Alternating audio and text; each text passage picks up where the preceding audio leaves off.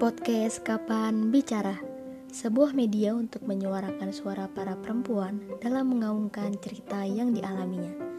Di episode pertama ini akan ada pembahasan menarik terkait dengan insecure.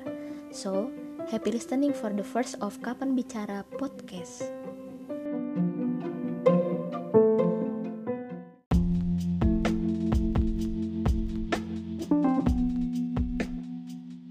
Kenapa sih kita sering banget ngerasa insecure? Insecure atau insecurity dari yang ku baca adalah tindakan dari adanya emosi apabila kita menilai diri kita menjadi seorang inferior dari orang lain. Atau bisa juga dikatakan perasaan tidak aman yang orang rasakan di dalam hidupnya. Pernyataan yang kukutip dari satu persen, insecure sendiri bisa terjadi pada dirimu di saat kamu merasa kekurangan, merasa malu, merasa bersalah, atau bahkan merasa tidak mampu untuk melakukan sesuatu. Hmm, kamu tahu nggak sih akibat apa yang bisa ditimbulkan dari rasa insecure itu? Akibat yang bisa ditimbulkan dari rasa insecure yang kita miliki adalah seseorang bisa menjadi takut untuk berinteraksi dengan orang lain. Hal ini bisa disebabkan mungkin karena adanya perbedaan berat badan, perbedaan warna kulit, perbedaan fisik lainnya, atau segala perbedaan yang menyebabkan seseorang merasa tidak aman untuk berinteraksi. Ya, pasti.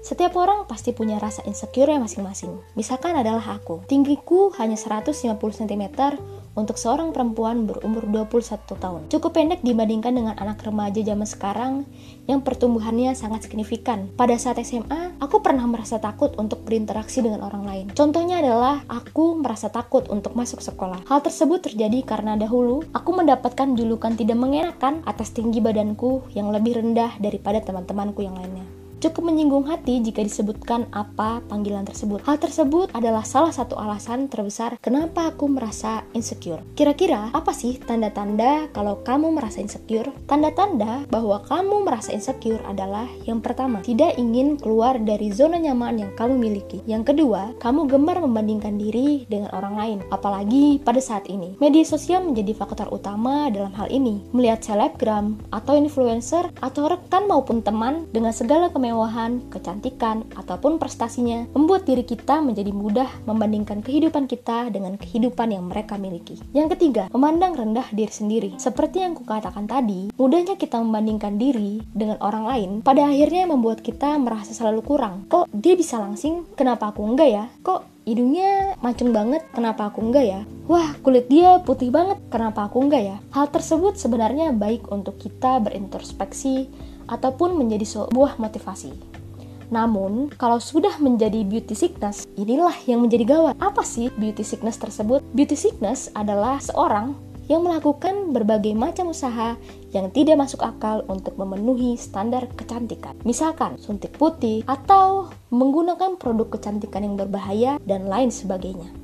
Yang keempat, harus mendapat pujian dan pengakuan dari orang lain. Ketika kita telah mengalami beauty sickness secara tidak langsung, hal tersebut dilakukan untuk mendapatkan validasi atau pengakuan dari orang lain. Yang kelima, menghindari interaksi dengan lingkungan sekitar. Seperti yang sudah kusebutkan tadi, aku pernah merasa atau berada di satu momen ketika tidak ingin berangkat sekolah karena ingin menghindari teman di sekolah. Lalu, bagaimana cara untuk mengatasi rasa insecure?